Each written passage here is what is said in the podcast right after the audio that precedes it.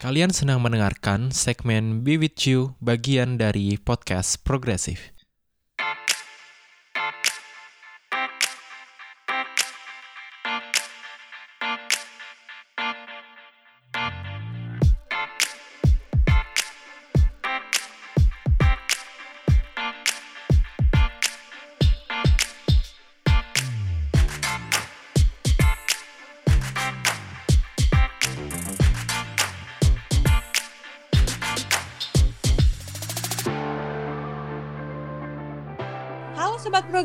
Progresif, balik lagi di sesinya Be With You, kesetaraan gender di bawah progresif aja. Nah, hari ini kita bakalan bahas isu yang sebenarnya juga kita udah bahas berkali-kali, tapi kita bakalan bahas yang agak sedikit beda nih. Nah, tema hari ini itu kita pengen bahas apa? Kita pengen bahas plot twist kesetaraan gender. Nah, apa sih kira-kira yang yang detailnya tuh lebih ngebahas apa sih? Kita lebih kayak pengen ngebahas sebenarnya um, gerakan kesetaraan gender nih mengarah ke mana sih? Karena banyak juga orang yang uh, salah paham dan mengira kalau misalkan gerakan kesetaraan gender yang selama ini uh, be with you uh, be with you omongin atau be with you address dan juga beberapa aktivis lainnya mereka berpikir kalau misalkan kita malah jadi uh, menomorduakan laki-laki. Dan sebenarnya uh, gerakan-gerakan kesetaraan gender itu juga uh, gue bisa bilang kita nggak sama sekali pengen itu terjadi. Justru kita pengen kesetaraan jadi kita tuh pengen banget yang namanya ciptain um, lingkungan dan juga budaya kesetaraan yang akhirnya laki-laki juga bisa berekspresi dan juga perempuan bisa mencapai potensi terbaiknya.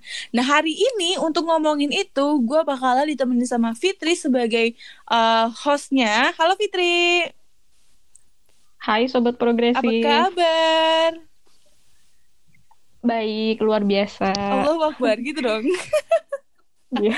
nah, eh, nah hari ini kita bakalan ngobrol-ngobrol dan ngebahas secara detailnya bareng sama narasumber yang pastinya kece banget yaitu Dani. Nah, mungkin Dani mau perkenalan dulu nih kira-kira eh, kegiatannya sehari-hari ngapain? Halo semuanya, jadi aku Denny. Aku ya bisa dikatakan content creator lah ya. Eh, kadang-kadang aku bikin video di YouTube, kadang-kadang juga aku bikin video di em, TikTok. Makanya ketemu sama Maya. Iya. nah, sekarang nih lagi sibuk apa nih Dan? Eh, lu kan eh, pandemi gini kan Ah, ah. eh, lagi sibuk apa nih kira-kira? Nah, ju- sejujurnya sih gue nggak sibuk banget sekarang gara-gara udah kuliah gue udah selesai, uas gue udah selesai kan. Jadi emang nunggu ke semester berikutnya aja sih. Ya karena gue juga nggak ada part time job apa pun ya gue di rumah aja bikin video eh, nonton ya gabut banget lah kayak semua orang aja. ya kayak kita ini gabutnya bikin podcast Bagus Hampir lah, sama. bagus. Produktif, masih produktif. sampingan ya sampingan ini sampingan. nah eh, eh, gue juga sama Fitri kan bakalan ngebahas banyak nih ya Eh, kita juga udah kenalan nah mungkin kita langsung aja nih next nih ya karena sebenarnya eh, kita tuh udah sering banget ngebahas apa itu gender Betul. ha. tapi kita eh, jarang banget ngegali lagi apa itu sebenarnya kesetaraan Mm-mm. kalau menurut sendiri gender dan kesetaraan itu apa sih Nah, kalau ya mungkin kalau buat orang-orang yang apa ya, kayak kaum milenial atau yang lebih tua lagi, mereka melihat gender tuh kayak dua hal doang kan, yaitu ya male or female gitu kan. Tapi sekarang sih di eh, banyak banget di zaman-zaman sekarang itu kita melihatnya lebih ke eh, self identification aja. Kadang-kadang ada yang gendernya tuh bukan eh, nggak mendefinisikan siapa mereka gitu karena kan kita taunya gender itu hanya laki-laki dan wanita kan masculine atau feminine. Nah, sekarang tuh biasanya era sekarang tuh gender itu itu free, itu spektrum hanya sekedar spektrum. Ada yang mungkin sangat feminim, ada yang mungkin sangat masculine, ada yang tengah-tengah gitu feminine and masculine, tapi ada juga yang kayak non-binary yang tidak mengidentifikasikan gendernya uh, kayak bukan satu kelompok gitu. Nah, kalau buat kesetaraan ya kayaknya pasti semua orang udah sering dengerin ya about um, masalah kesetara- kesetaraan gender lah atau mungkin uh, race, human rights gitu-gitu. Kesetaraan ini lebih ke equality di mana semua orang di treat equal ataupun mendapat kayak suatu hal yang setara ataupun equal. Jadi contohnya mungkin yang zaman sekarang itu ya uh, women's rights. Kenapa sih orang selalu bilang kesetaraan gender dan banyak banget argumen-argumen yang bilang kalau kayak kan cewek-cewek udah dapat hak gitu kan cewek-cewek udah sal- udah ada hak udah diberi hak sama negara. benar sih udah dikasih hak itu tapi kan uh, kayaknya maksudnya kesetaraan di sini tuh lebih ke how you treat other people gitu karena walaupun kita udah ada undang-undang itu tapi mas buktinya masih banyak yang uh, nge-treat other people secara nggak fair gitu mungkin maksudnya dengan kesetaraan yang dimaksud sama uh, gerakan gini Sebenarnya bener sih kayak miskonsepsi dari Mm-mm. lo nih ya Dani yang tadi udah nyebutin soal gender itu kalau itu tuh emang cuma spektrum atau kayak eh, apa ya konstruksi Mm-mm. sosial yang dibentuk sama eh, lingkungan Mm-mm. kita gitu dan aspeknya tuh tiap tempat tuh Mm-mm. beda-beda gitu bener bener banget sih kayak orang kan cuma tahu kalau misalnya gender itu perempuan Mm-mm. sama laki-laki sedangkan kalau perempuan dan laki-laki itu bukan gender itu jenis atau yang lain mungkin nyebutnya kan. seks kali ya, kayak seksnya apa gitu. Iya, bener-bener bener banget. Nah, terus kalau misalnya dari soal gender equality ini kan biasanya yang sering di apa ya kayak sering dibombardir narasinya di mana-mana itu kan women's rights-nya kan maksudnya dari sisi si perempuannya. Nah, kenapa sih menurut lo kayak kenapa perempuannya gitu yang diutamain bukan dari si laki-lakinya gitu sebagai pandangan lo sebagai laki-laki Uh, gitu. sebagai kayak pandangan pribadi gue sendiri sih, gue mengerti sih kenapa uh, fokusnya lebih ke wanita kan. Karena emang sih ya based on facts and history aja emang kebanyakan yang oppress tuh dari dulu wanita. Bahkan ya di Indonesia aja dulu wanita nggak diperboleh buat belajar bahkan itu aja uh, kayak Kartini yang baru uh, fight for women's right. Padahal uh, sekarang kan banyak wanita-wanita yang udah uh, apa ya namanya independent woman lah. Udah udah bodo amat dengan standar-standar dulu. Kenapa sekarang uh, kita fokusnya cuma ke enggak enggak bukan cuman fokus sih tapi emang mengutamakan hak wanita. Karena believe it or not sekarang pandangan-pandangan orang udah mulai berubah tapi masih banyak yang punya pandangan yang kayak gitu yang uh, apa ya bahasa kasarnya sih masih stuck in the 90s lah pandangannya mereka. Kenapa wanita yang paling diutamakan sekarang? Eh, sekarang aja kita bisa lihat wanita sering di uh, disrespect atau di apa ya nggak di, dihormatin gara-gara mentang-mentang kelamin mereka tuh wanita. Jadi masih banyak yang perlu diedukasiin walaupun kita udah di era yang apa ya era yang udah progresif mungkin dibanding dulu tapi masih banyak yang harus diedukasiin lagi. Bahkan orang yang eh, yang yang bilang mereka feminis ataupun mereka mereka bilang kalau mereka tuh kaum feminis tapi banyak dari mereka juga belum terlalu educate dengan uh, rights dengan cara apa ya menghormati orang lain juga Jadi mungkin maksudnya yang dia suarain tuh Hmm. bener tapi malah jadi memojokkan satu Nah, satu sisi yang ha-ha. lainnya gitu ya maksudnya jadi Mm-mm, laki-lakinya mm-mm. gitu. Sayang banget ya karena kayak seharusnya kan eh, ya namanya kita se- sesama aktivis juga harus saling eh, membantu dan juga saling apa ya ngasih kesempatan untuk belajar bareng kalau misalkan cuma salah satunya aja ya kita Betul, majunya gitu gak sih? benar-benar Uh, Iya. sebagai cowok juga gue kayak mandangnya gue setuju sih kalau wanita emang ke- kenyataannya lebih oppress ya mungkin bahasanya. Uh, tapi gue senang sih kadang-kadang emang sekarang udah mulai conversation tentang kayak uh, male rights di mana kayak ya kemarin kan di TikTok lagi ada tren tuh yang end toxic masculinity gitu kan. Karena ya emang dari dulu yang dominan laki-laki tapi juga di uh, sisi laki-lakinya masih ada beberapa hal yang bisa dikatakan masih diopres karena kan laki-laki tuh bukan hanya satu tipe kan pasti kayak banyak banget tipe-tipe laki-laki. Mau itu feminine mau itu mungkin bahkan ada yang lebih gagah lebih macho banget tapi ada yang mungkin tengah-tengah. Atau bahkan ada yang nggak identify as feminine guy ataupun masculine guy gitu kan. Dan sayangnya gara-gara apa ya bisa dikatakan habit ataupun uh, gara-gara sejarah gara-gara tradisi cowok-cowok yang mungkin express femininity itu dianggap apa ya bukan laki-laki beneran gitu bukan laki-laki sejati. Seakan-akan mereka tuh nggak valid sebagai laki. Jadi uh, emang sih itu kalau di um, feminism kurang dibahas. Karena emang uh, secara history wise wanita lebih banyak masalahnya ya.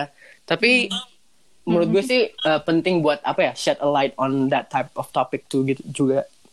Iya, makanya juga ini juga sih salah satu uh, upaya dari BWT supaya kayak ya kita nggak cuman bahas uh, dari segi perempuan aja, even though uh, mayoritas kayak ya BWT ber kita ber, berenam uh, lima ce- lima cewek satu cowok gitu, tapi kita tetap ngebahas isu-isu yang sebenarnya juga patriarkis dan itu berdampak ke cowok gitu karena Mm-mm. sebenarnya salah satunya toxic masculinity kan salah satu dampak negatif dari uh, patriarki yang berdampak Mm. ke cowok gitu kan. betul betul ha-ha.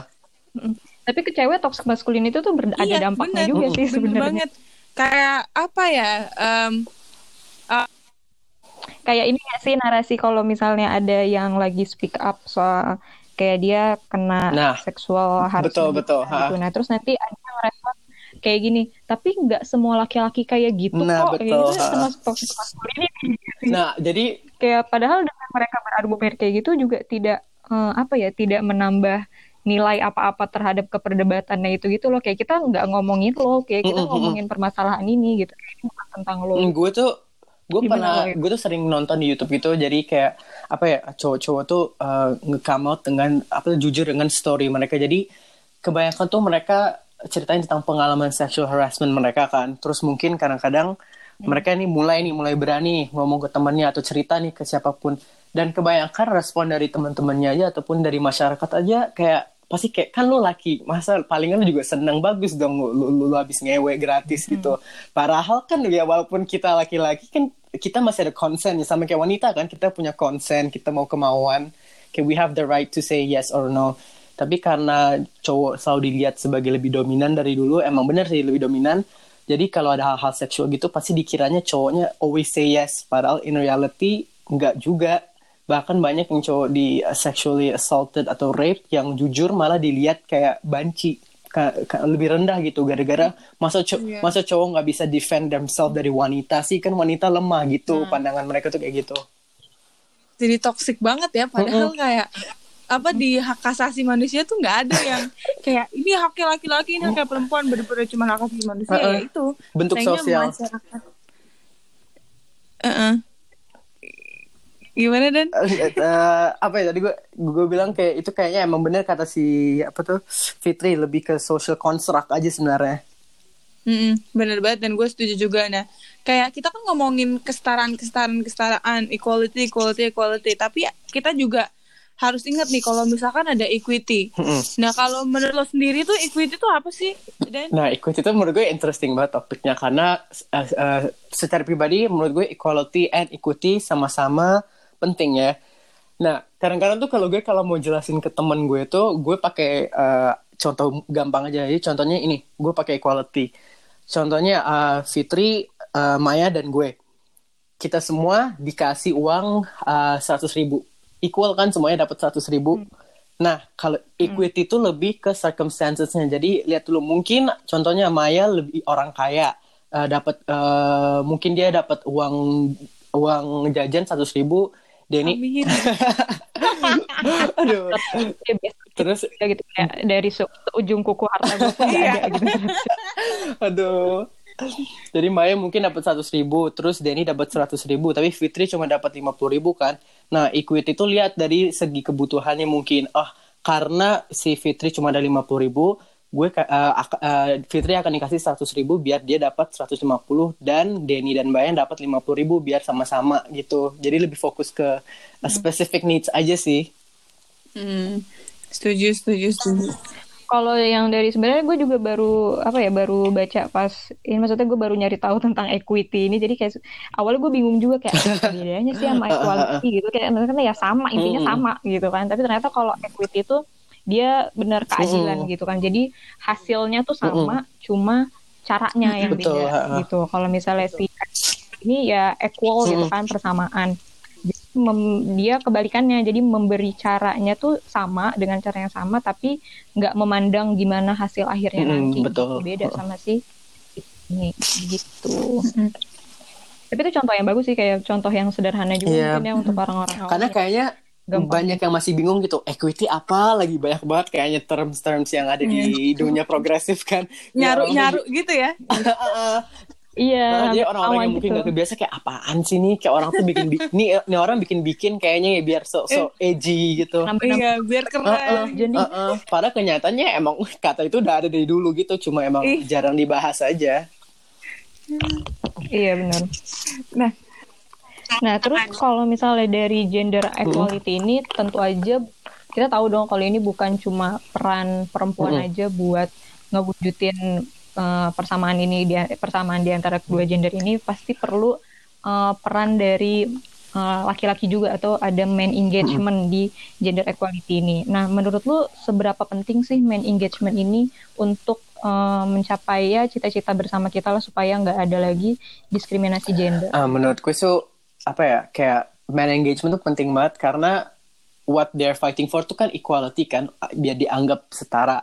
Nah kalau kalau nggak ada bantuan dari laki-laki juga kita nggak akan pernah capai kesetaraan itu karena at the end of the day let's say woman win berarti akhirnya bukan kesetaraan dong lebih mengatakan atau bisa di, uh, dikatakan cewek atau wanita lebih tinggi dari laki-laki kalau misalkan mereka menang lah bahasa kasar gitu kan.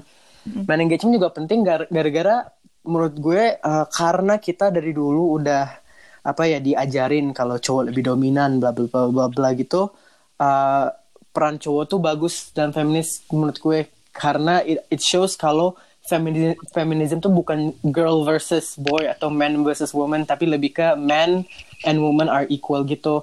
Karena gue ini lucunya ini jadi jadi beberapa orang dulu kaget kalau gue tuh seorang feminis. Alasannya kan kan lu cowok alasan dia. Terus gue bilang lah emang kenapa kalau gue cowok? Terus katanya lah terus menurut dia tuh feminisme adalah kelompok wanita doang seakan-akan kayak oh girl girl power hmm, doang. hmm. terus gue bilang lah kenapa emangnya kan kalau cowok mengsupport mendukung women's right ataupun keadilan buat mereka jadi orang tuh mempunyai uh, pemandangan yang salah. Mereka kiranya tuh oh, feminism is a group for women only. Padahal hmm. kenyataannya kan it's yes it's about women a lot of the time tapi lebih ke fight for their rights, fight for equality kan dan man engagement tuh penting karena uh, daripada man versus woman mendingan kayak saling ngebantu biar biar uh, bisa bantuin other people yang mungkin nggak mempunyai pandangan yang sama juga. Iya, bahkan itu tadi plot di situ tuh tadi orang bilang kalau feminis cuma mm -mm. perempuan aja itu ah, bener sumpah. kayak gue aja kaget pas orang ngomong itu gue kayak beneran nih nggak ada bener, gue kira ini bercanda kali ya. Kayak oh just kidding uh, karena namanya feminism. Ternyata dia beneran nggak tahu kalau laki-laki bisa jadi feminis. Itu yang gue agak kaget. Tapi kayaknya ra, aw, apa masyarakat awam tuh kayaknya banyak yang nggak tahu juga kan? Maksudnya ya, kayaknya deh. Kayaknya ya kan? deh karena gue juga sering ditanyain gitu. Ya bisa jadi nih, no, bisa jadi pikiran itu normal ya di maksudnya di ya somewhere di mana. Uh -uh. Iya. Mungkin karena mereka juga lihat di media tuh kayak oh feminisme pasti foto-fotonya kelompok wanita kan, jarang ada cowok-cowok dalam fotonya. Mm. Jadi emang si uh, media agak plays a big role gitu. Mm -mm, karena gimana pun juga kan ya kita ngapa-ngapain by media, bangun mm -mm. tidur media. iya. Bener ya kan itu kayak apa bikin apa lots of big pictures dari sana juga. Hmm, nah, tapi menurut gue juga ini ini pendapat gue sih ya. Uh, hmm. gue pengen dengar dari lu juga nih dan. Kalau hmm. pendapat gue uh, yang tak yang dari lu tadi kan untuk saling sama-sama uh, support sama-sama mendorong. Kalau gue kalau gue juga gue mau nambahin aja sih. Paling kayak menurut gue juga kalau misalkan ngomong ke tingkat yang dalam advokasi atau pemberian apa pemberian advokasi di tingkat pemerintahan juga menurut gue kan di situ kan didominasi sama cowok-cowok ya mm-hmm. sama bapak-bapak. Nah makanya menurut gue juga penting juga main engagement di mana mereka memberikan ruang buat perempuan untuk memberikan aspirasinya karena selama ini banyak juga tuh suara-suara yang dibungkam karena toxic masculinity yang mm-hmm. cowok tuh nggak mau kalah sama cewek. Gitu. Bener, bener. Sayangnya pasti uh, banyak tuh apalagi yang cowok yang punya jabatan yang tinggi ya posisi yang tinggi mereka tuh menurut they don't see women in politics gitu kan jadi hmm. yang benar kata lu kayak penting kayak bener jadi pen, benar kata lu penting kalau ada cowok karena kebanyakan orang-orang yang kayak gitu tuh cuma mau dengernya sama laki-laki sayangnya. Gara-gara mereka udah se-stuck up itu dengan pandangan mereka terhadap wanita. Makanya juga penting banget juga uh, buat cowok-cowok di luar sana yang juga harus lebih aware lagi. Kayak mm -hmm. contohnya contohnya lu deh karena menurut gue lu salah satu orang yang sangat fair dengan hal itu dan juga mau untuk mem, apa ya mau untuk speak up dan memberikan pandangan lo karena banyak juga orang uh, terutama cowok yang aware atau mereka peduli sebenarnya sama isu-isu perempuan tapi nggak mm. berani nggak berani speak up karena mereka takut mm. di apa takut dikecengin sama teman-temannya nah, gitu loh. Uh -uh. Sadly uh, gue setuju sih karena gue sendiri teman beberapa teman cowok-cowok gue itu juga banyak yang setuju dengan kayak karena gue kan emang suka ngomongin hal ini kan. Jadi beberapa yeah. teman deket gue yang cowok juga setuju tapi sayangnya gue tuh nggak pernah lihat mereka setidaknya post sesuatu di story mereka gitu loh. Apalagi kalau lagi women's march. Dan kadang-kadang menurut gue kayaknya emang gara-gara takut dijudge sama society deh. Kayak ih kok lo jadi ikut-ikutan gitu? Ngerti gak sih? Jadi gue tuh kadang-kadang tuh gue kasian sama mereka tapi at the same time suka bete gitu kan. Karena kayak karena if you don't do anything kalau lu cuma sekedar setuju you're not gonna change anything. Lu cuma kayak ya lu cuma nonton doang itu kesannya nggak nggak membantu sama sekali. Iya lu jadi kayak ini ya jadi kayak wayang ya nggak ngapa-ngapain ya. Iya makanya. Kayak diem doang. Nah, eh, dari tadi kan kita udah ngomongin kayak tentang sebenarnya seberapa penting sih uh, main engagement ini. Nah, tapi gue juga, eh, gue kan bukan laki-laki gitu, jadi gue bisa merasakan apa yang lo rasakan, seberapa susah, seberapa strugglingnya eh, tantangan lo sebagai laki-laki yang feminis atau menjalankan main engagement ini. Mm-mm. Iya. jadi gue gue cerita ini Iya, boleh, boleh, boleh. uh, sebenarnya gue jarang cerita gara-gara emang gue nggak mau kesannya kayak oh my life is so hard bla bla bla karena gue karena gimana ya karena gue tahu kalau wanita di luar sana pasti banyak yang mengalami lebih buruk lagi di daily life-nya ya mau itu catcall ataupun social media harassment dan lain-lain tapi uh, karena gue sempat ngebahas di TikTok gue dan gue merasa lebih aman ngebahas TikTok gara-gara kebanyakan uh, followers gue itu emang orang-orang yang sama juga yang support feminis karena gue juga uploadnya hal-hal yang gitu juga kan Iya. Nah, gue express di video itu, gue bilang kalau gue sering nemu di, uh, let's say, feminist community bahwa banyak banget orang-orang yang uh, nggak peduli ataupun menganggap opini-opini laki-laki itu, menurut mereka tuh opini-opini yang di- dikeluarkan dari kata di mulut dari mulut laki-laki itu nggak penting. Terus gue pernah nanya kan ke orang itu kayak, loh kenapa kenapa opini gue nggak valid? Dan dan argumen dia adalah gara-gara gue laki-laki itu doang argumennya. Terus gue bingung lah, apa bedanya lo sama laki-laki yang memandang wanita kayak gitu? Kayak contohnya laki-laki yang di posisi tinggi di politik. Pasti dia juga banyak kayak memandang opini wanita tuh nggak penting gitu kan. Jadi kayak nggak uh, what you are fighting for kayak you you call yourself a feminist tapi lu apa yang lo lakukan action yang lo lakuin tuh bener-bener kontra dengan apa yang moral lo itu terus gue bahas itu di TikTok dan ternyata beberapa teman-teman TikTok gue, uh, TikTokers juga uh, reach out, mereka juga bilang sebenarnya setuju banget dalam apa tuh komunitas feminis juga masih ada yang diskriminasi terhadap gender, jadi sama aja bohong kan. Nah, Iya. terus gue baru tahu ternyata ada term baru nih. Kalau ini kayaknya bukan term official sih, lebih ke slang doang. Jadi feminis itu adalah orang yang support gender equality, fight for women's rights, tapi uh, kata yang gue bertemu ini tuh adalah feminazi. Jadi itu Gue juga tahu tuh. Sumpah, dan gue iya. gue ketawa Gua tahu, banget. gua tahu.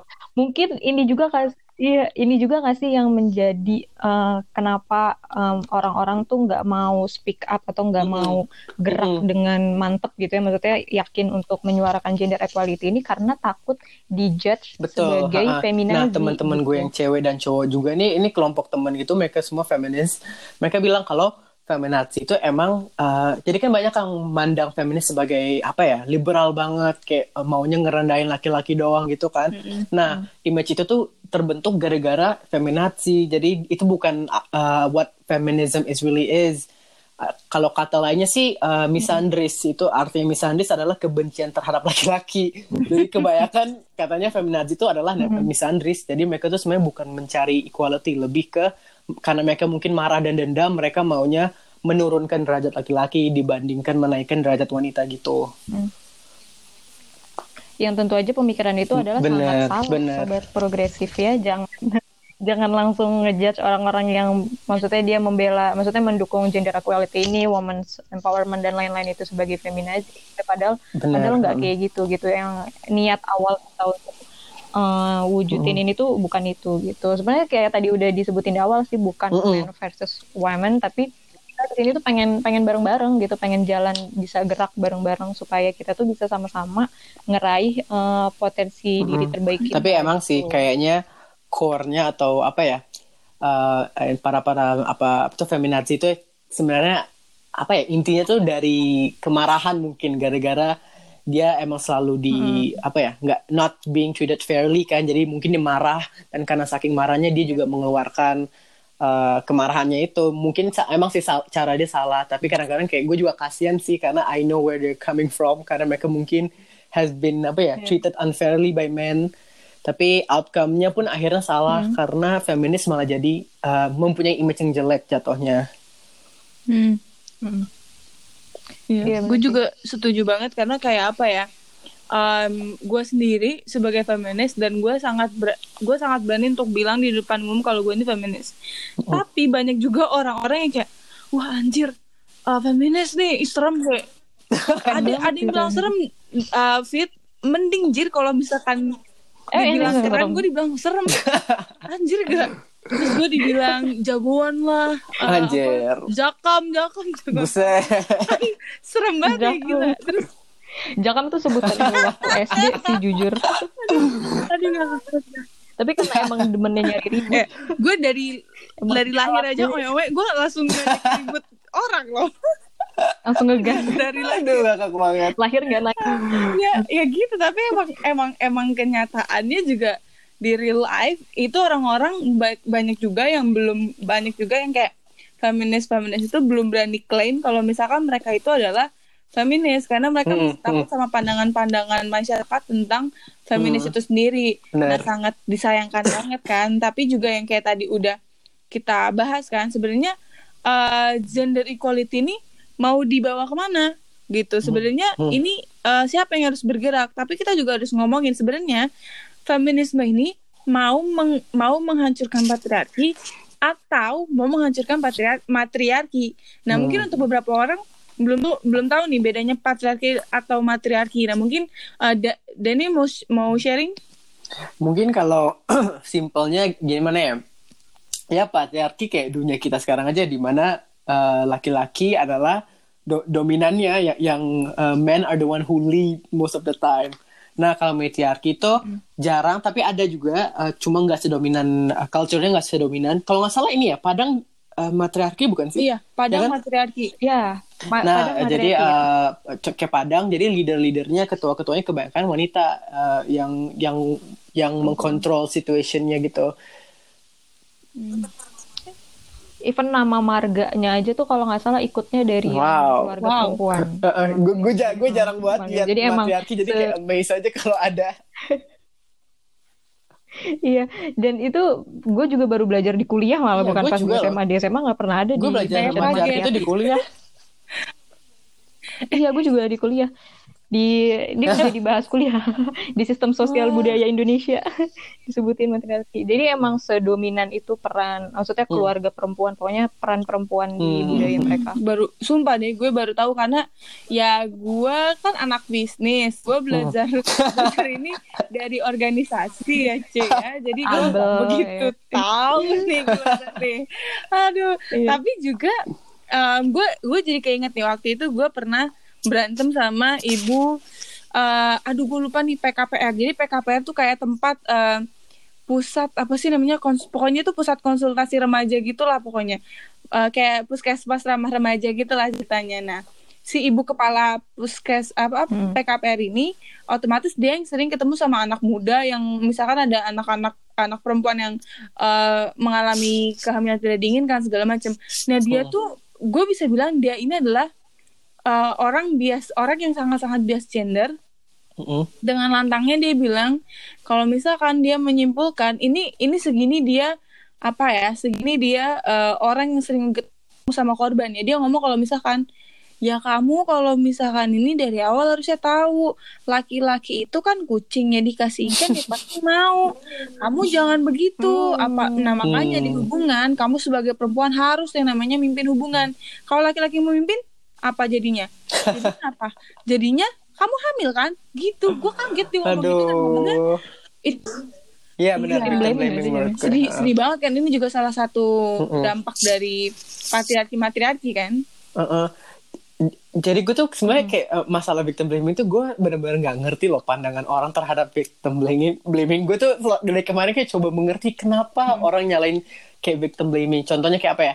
Kayak kemarin tuh gue gue lihat kalau ada kasus uh, nudes cewek di leak dan di share sama mantannya gitu ke teman-temannya. Terus orang tuh banyak banget yang saling ceweknya.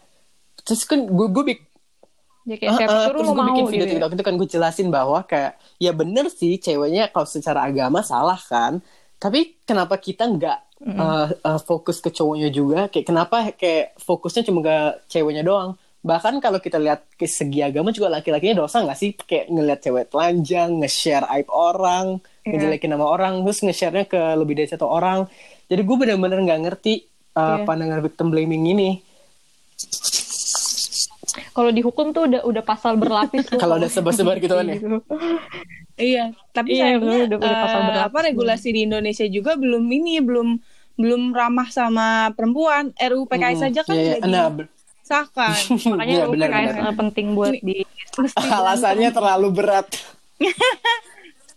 Iya, terlalu Aduh. sulit ya, terlalu kita sulit nih yang untuk anak muda mesti ngajarin yang tua-tua. betul betul betul Harus dikasih tahu Iya. sebenarnya Mm. seberapa pentingnya sih ini karena urgent banget karena sekarang Mm-mm.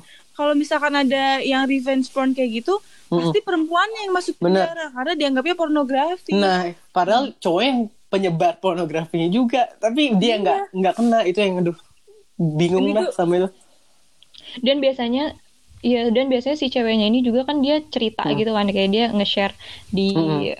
sosial media lah gitu. Nah, nanti si perempuannya ini bisa dikenain sama UU ITE gitu. Jadi dia kayak gimana ya, Uh-uh. udah jatuh. kadang-kadang gue juga tangga kaget loh kayak eh, ternyata yang victim blaming tuh bukan laki-laki dong ternyata cewek-cewek juga banyak banget banyak banyak. Ada itu yang gue bingung juga, loh iya, kayak, iya. eh, Banyak. kayak lu sebagai cewek masa lu nggak bisa ngerti gitu loh kalau kayak ini tuh bukan salah dia doang kalau kalau laki-laki gue masih kayak oh ya ya ini, ini masih pasti nggak diedukasi ini sama teman-temannya teman orang tuanya tapi kalau cewek tuh kayak ini sesama cewek lu nggak nggak bisa merasakan unfair ketidakadilannya gitu gue kaget karena banyak banget yang cewek yang victim blaming bahkan Mm-mm. Itu karena budaya.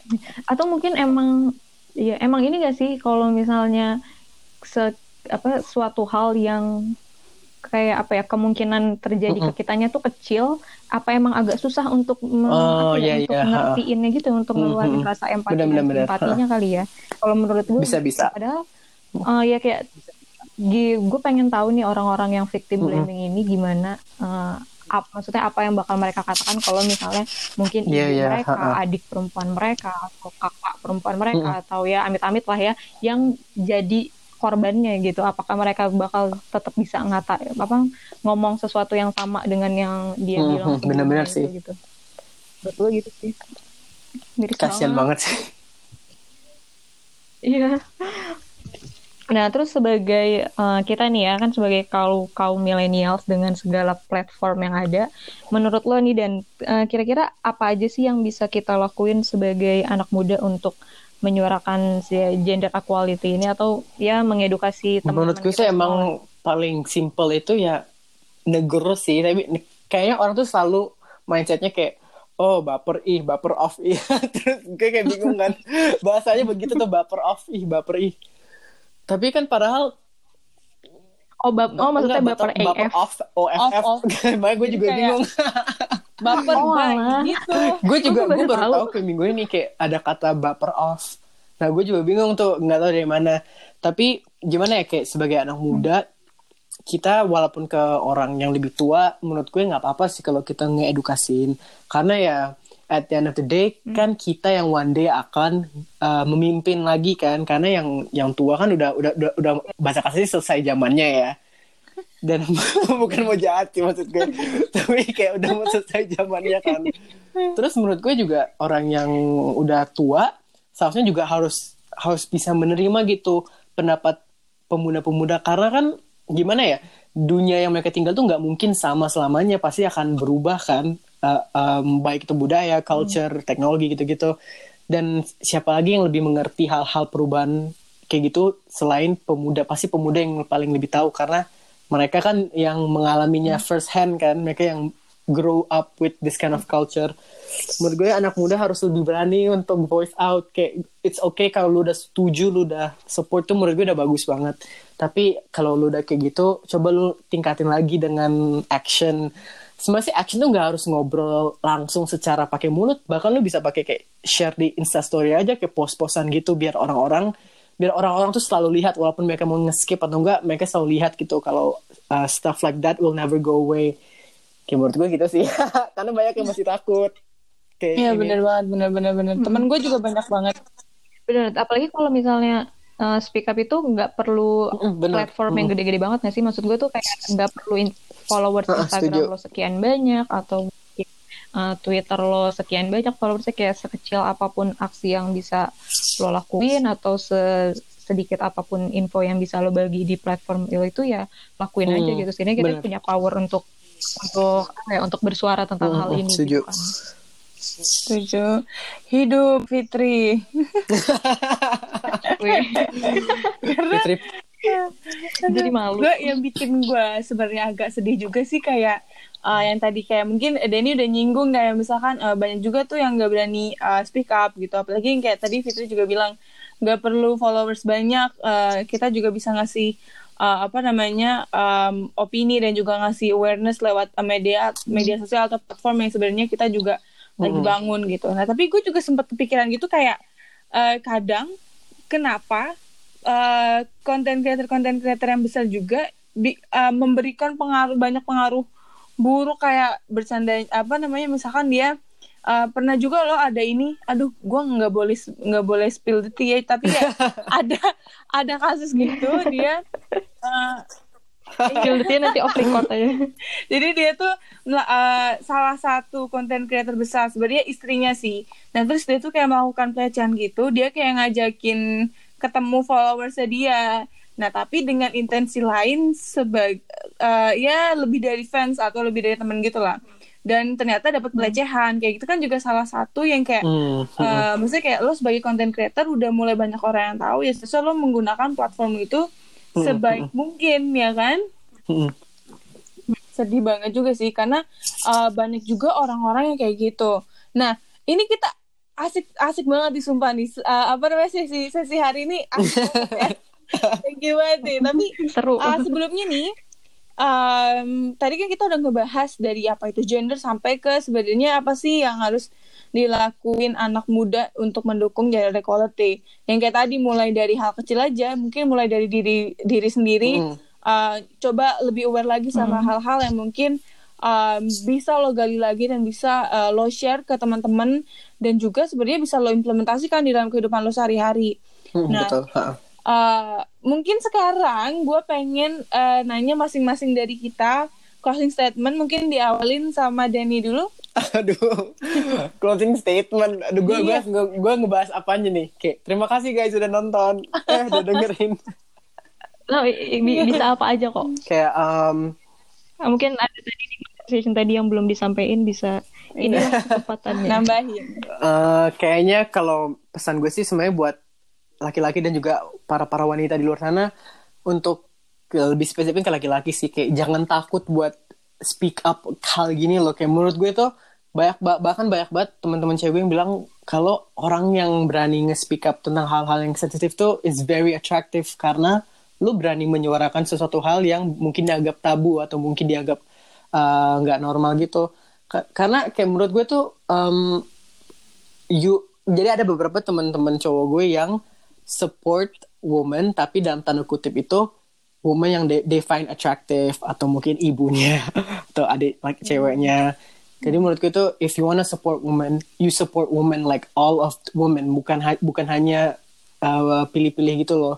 Dan jangan takut untuk support uh, hal-hal kayak gitu karena bener kayak tadi yang, kal- yang kalian bahasin kayak man engagement itu penting jadi uh, we're not gonna solve this issue if we're fighting men versus women. Okay, we need each other to help gitu.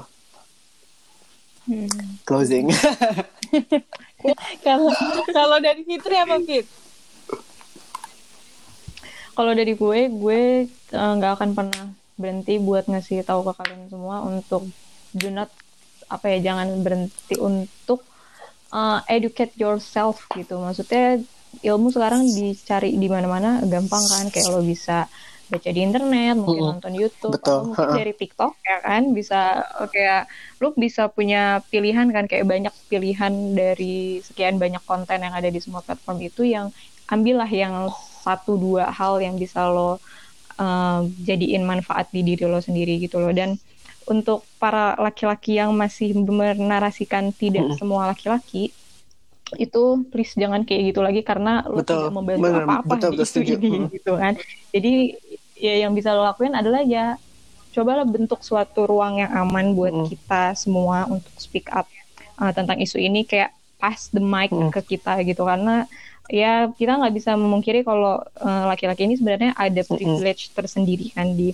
maksudnya di gender uh, equality ini. Jadi ya mungkin semuanya akan bisa berjalan dengan baik dan hasilnya mungkin akan lebih kelihatan juga kalau misalnya kita bisa bekerja sama dengan lebih baik di gender equality ini. Begitu. Semangat yuk. Ini emang kita mesti jalan bareng-bareng banget sih. Mungkin kalau dari gue um, Ya. kesetaraan gender itu nggak akan tercapai kalau misalkan perempuannya sendiri uh, nggak menyadari kalau misalkan dia juga punya uh, potensi dan dia juga sebenarnya bisa melakukan apa laki-laki lakukan Betul. begitu juga yang laki-lakinya nggak akan juga bisa uh, membantu uh, yang namanya uh, kesetaraan gender kalau misalkan belum yang namanya tercipta uh, ruang aman buat uh, laki-laki maupun perempuan dan juga laki-lakinya nggak terlibat nih dalam dalam upaya upaya-upaya mendorong uh, atau mewujudkan si kesetaraan gender ini. Karena yang gue yang gue lihat juga banyak juga gerakan-gerakan feminisme yang mereka rata-rata nggak melibatkan laki-laki sama sekali. Padahal sebenarnya kan ada pepatah nih jangan cuman menjaga anak perempuanmu tapi juga edukasi anak laki-lakimu dan menurut gue itu sangat dan itu yang harus kita tanemin bareng-bareng gitu. Maya for President. quote of the day ya quote of the day. Nah, thank you banget buat eh, buat Denny dan juga buat Fitri. Kita akhirnya udah ada cara yeay seru banget. Gila. Makasih banget ini seru banget jujur. Iya. kayak, kayak ngobrol aja sama temen-temen. Iya, thank you. Banget nih. Um, uh, again gue mau uh, gue mau nge apa namanya gue mau nge sedikit aja uh, ngasih apa ngasih kesimpulan sesi hari ini. Jadi kayak uh, kita semua ini sebenarnya punya peran loh di dalam uh, mengupayakan uh, kesetaraan gender ini. Nah, sebenarnya nggak perlu juga kita ngelakuin hal-hal besar, cukup dimulai dari diri sendiri dan dengan uh, mungkin juga banyak juga dari kalian yang juga sebenarnya udah aware tapi kalian uh, takut untuk speak up. Kalau misalkan kalian takut untuk speak up, take your time, nggak masalah. Yang penting kalian jangan sekali-kali melakukan hal yang sebenarnya juga malah uh, mendukung toxic masculinity Mm-mm, atau misalkan kalian juga malah jadi uh, ignorant sama uh, isu-isu uh, yang dialami sama perempuan. Karena menurut gue kalau misalkan emang uh, uh, misalkan emang lo nggak lo misalkan deh lo nggak ngedukung gerakan uh, kesetaraan gender it's okay. You you don't have to. Tapi uh, lo harus dukung uh, yang namanya gerakan hak asasi manusia. Karena pada dasarnya Mm. gerakan kesetaraan gender ini adalah gerakan hak asasi manusia. Jadi segitu aja uh, sesi hari ini mungkin uh, Denny bisa dada-dada by, vo- by suara dadah Dadah, makasih semuanya. Jangan lupa untuk uh, follow Instagramnya at bwt.idn dan kalau misalkan mau intip-intip uh, Instagramnya Denny apa Den? At Denny S. Reza. ntar, Nah. ntar taruh aja di mana lah. Eh ya nanti nanti bakalan di tag di uh, Iya. With You. Nah jangan lupa kalian juga follow Instagramnya at podcast progresif. Kita bakalan lagi ngomongin isu yang bener-bener keren yang pastinya selalu sama bwt.idn di progresifin aja. See you next episode.